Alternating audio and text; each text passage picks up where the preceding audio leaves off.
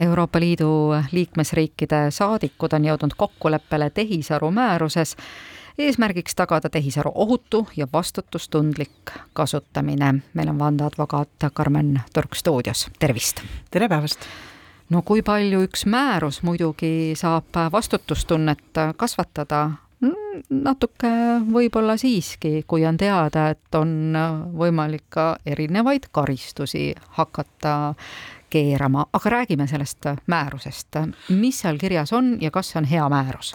ma tead, alustan lausa vastamisega sellega, kui palju saab määrus tekitada vastutustunnet ja kohustumust ettevõtetes mm. -hmm. ma arvan, Euroopa Liidu määrus on üks kõige suuremat kohustumust ja vastutust tekitav õigusakt üldse, sest ta on otsekohalduv kõigis Euroopa Liidu liikmesriikides sellest ajast, kui ta kohalduma hakkab ja selle trahvid ei ole võrreldavad sellega, mida meie enda seadusandja ühte seadusesse paneks. et seal me räägime ikkagi kuni kolmkümmend viis miljonit kuni seitse protsenti aastasest käibest, et seal me ikkagi räägime väga kõrgest vastutusmäärast aga see, see määrus, ütle see vist ikkagi eraisikutele ei laiene, et see, see on puhtalt siis ikkagi ettevõtetele ainult? jaa, selle määrusega tõepoolest äh, kõige suurem võib-olla edasisamm, mis nende pikkade läbirääkimiste jooksul, mis nüüd Euroopa Liidus toimusid, on toimunud, on see, et me ei reguleeri tehnoloogiat, mis on äärmiselt oluline. see umbes sama oleks ju muidu, et reguleerime lauda, aga me ei reguleeri lauda, me ra-, reguleerime lauatootjaid, on ju, edasimüüjaid, vahendajaid. nii ka nüüd selle määrusega. aga tõepoolest eraisikule sealt mingeid kohustusi küll ei tule. no kui on tehisaru, kuidas teda siis kontrollida? Ja lõpuks, kuidas täpselt määratleda, kes on läbi selle tehisaru tekitatud kahju taga, et lõpuks see sõrm peale panna, et siit hakkab vastutus, sina vastutad? no see konkreetne määrus nüüd, mm, sellisena, nagu ta nüüd on poliitilise kokkuleppe tulemusena Euroopa Parlamenti läheb, sellisena, ta nüüd äh, reguleerib kogu seda valdkonda niimoodi, et me võtame kogu tehisintellekti süsteemide kirjupõllu ja jagame selle piltlikult paariks tükiks. esimene suur kategooria on need, kus on keelatud, selline tehisintellekti süsteem Euroopa Liidus on keelatud. sinna alla läheb kõik, mis puudutab ähm, näiteks ähm,, las ma mõtlen mõne hea näite, kõik, mis nagu on manipuleerimise ohuga, mis tõepoolest ühiskonda, isikut manipuleerib. heaks näiteks Euroopa Komisjon ise toob mänguasjad, mis lastega suhtlevad, keelatud teine kategooria, kõrge riskiga kategooria, siia alla nüüd läheb tõesti päris suur hulk tehisintellekti süsteeme, mida toodetakse ja kasutatakse. näiteks meditsiinitea-, meditsiiniseadmed, kõik, mis on puudutatud, puutuses biomeetriaga, hariduses kasutatavad, töö, igapäevases tööelus kasutatavad, need lähevad, need lähevad siia alla rakenduvad üsna karmid nõuded. erinevad hinnangud, riskihinnangud ja need tuleb ka registreerida, olenevalt sellest, milline, millega me, millest me räägime, lausa Euroopa Liidu üleses andmebaasis. kui neid kohustusi rikkuda, siis juba me räägimegi sellest vastutusest, mis me enne rääkisime. aga suur osa tõepoolest siis tehisintellekti süsteemidest kuuluvad nii-öelda minimaalse riski kategooriasse, need on need, mida me kõik iga päev näeme. videomängud, mille loob ai, mida meie lapsed kõik iga päev mängivad, igasugused spämmifiltrid ja nii edasi. ja siis on veel selline, kuidas nüüd öelda, läbipaistvusriskiga tehisintellekti süsteemid. Need on need, millest me täna võib-olla kõige rohkem meedias loeme kõik need sellised üldgeneerilised tehisintellekti süsteemid, mida saab kasutada väga erineval viisil. chat GPT, väga hea näide, on ju, see saab, seda saab panna tegema peaaegu kõike. meie kasutame seda täna võib-olla kõige rohkem chatbotina, on ju, siis juturobotina. ja seal me räägime tõesti läbipaistvusreeglitest, ehk siis kasutaja peab tulevikus teadma, et see sisu, mis seal loodi, ei ole loodud inimese poolt, vaid masina poolt. seal on teatud autoriõiguse kaitsepiirangud ja muud sellised, mida tuleb rakendada.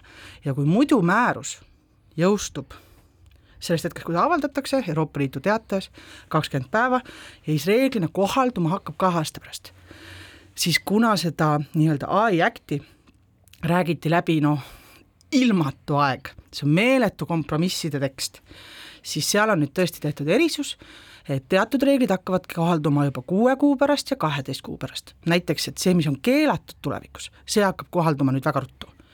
ja teine, kaheteist kuu pärast hakkavad kohalduma need, mis puudutab siis just nimelt neid geneerilisi tehisarusüsteeme.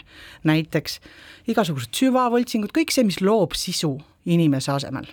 ehk siis sellise teabe ja see, et me teame, et see on sealt pärit, see peaks hakkama üsna ruttu kohalduma Nende, nendest süsteemidest rääkides ma täpsustan üle, kas ma saan õigesti aru, et äh, põhimõtteliselt äh, kui näiteks on mõnes ettevõttes ähm, nii-öelda uksekaardi asemel siis see, et sa vaatad, ütleme kuskilt ka kuskilt kaameralt, kaamerast sisse, ta tunneb su näo ära, siis see tuleb nüüd põhimõtteliselt äh, pärast seda määrust maha võtta ja uus, ma ei tea, sissepääsusüsteem välja mõelda või?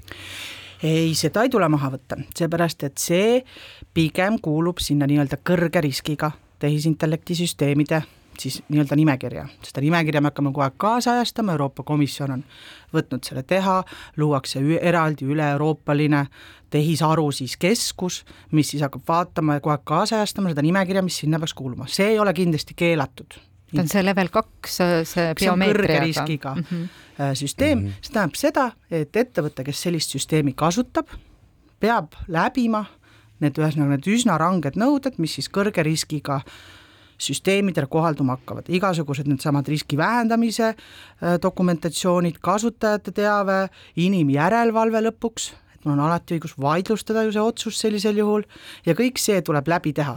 lõpuks tuleb see ka registreerida üle-euroopalises andmebaasis, kus on eraldiseisev süsteem, ehk siis ta pole teise süsteemi mingi osa ning lõpuks tuleb saada ka CE-märgis sinna peale jõuame nüüd lõpuks määruse juurest äh, ka selle juurde, mis päriselus, päris äh, internetis lahti lüües äh, toimub.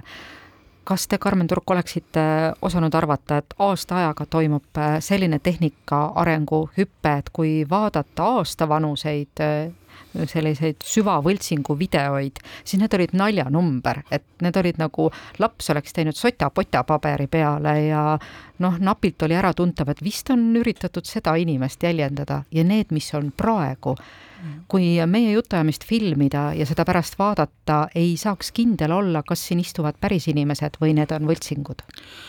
absoluutselt, aga ega selline tähelepanek kohaldub igale tehnoloogiale, sest tehnoloogia areng on alati ei ole kunagi lineaarne. iga järgmine päev on kaks korda rohkem kui eelmine päev.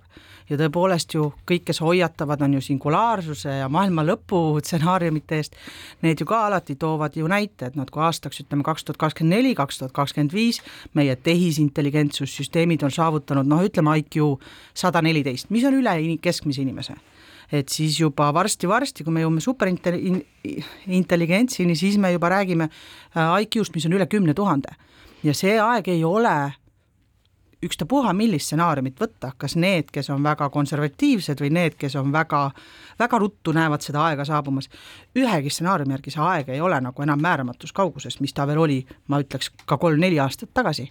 ja tõepoolest, see tehnoloogia seoses siis selliste nende geneeriliste äh, tehisintellekti mudelite, tehisaru mudelite tulekuga, siis no ütleme siin üle-eelmise aasta lõpus, see ekspansioon on olnud igaühele märgatav, kõik, kes neid on tõepoolest kasutanud, need märkavad seda, et kas oli see nüüd natuke aega tagasi, kui äh, presidendikandidaat USA-s äh, härra Bideni nimel tehti need nii-öelda süvavõltsing audiokõned siis valijatele, mis kutsusid üles Joe Bideni häälega, et täna ärge küll minge valima, seepärast et kui te valite demokraatide poolt täna, siis tegelikult te võimestate vabariiklasi.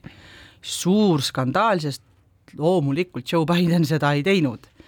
ja noh, tegelikult ma arvan, sealt on praegu ka tõepoolest väga see suur diskussioon läinud lahti, et me ei saa hakkama nii väikese asjaga nagu süvavõltsingud. me oleme nüüd siin mitu aastat mõelnud alates sellest, kui need tõesti olid nagu lapse kritseldused, me oleme jõudnud tänapäeva, me ei saa hakkama, mida nendega peale hakata meil endal tulevad Euroopa Parlamendi valimised, meil endal tulevad valimised väga paljudes kohtades üle maailma tuleb kaks tuhat kakskümmend neli palju valimisi. mida me peale hakkame? me ei saa hakkama ja siis me mõtleme, et ah, ei ole muret, et küll me siin saame ka tead, singulaarsusega hakkama, no ei saa, me ei saa nagu väikese asja nagu süvavõltsinguga hakkama. et praegu USA-s on ka äh, diskussioone palju ja noh, üks kindlasti üks suur selline areng, mis toimus nüüd siin veebruari keskel Euroopas kus äh, siis suured top kakskümmend, ütleme, te-, tehn-, tehnoloogia hiidu siis sõlmisid sellise pakti. loomulikult sellele paktile võib palju ette heita, et mis tast ikka kasu on, aga nad igatahes vähemalt võtsid endale vähemalt siis nii-öelda eetilise moraalse kohustuse kaks tuhat kakskümmend neli aasta valimiste puhul tagada, et nende platvormidel, sealhulgas Facebook, kõik meie tuntud platvormid, nad suudavad tuvastada ja märgistada sellised lendlevad siis videod, fotod ja audio no loodame, et ülejäänud maailm tuleb ka taha ja kaasa sellega. aitäh täna meiega rääkimast, vandeadvokaat Karmen Turk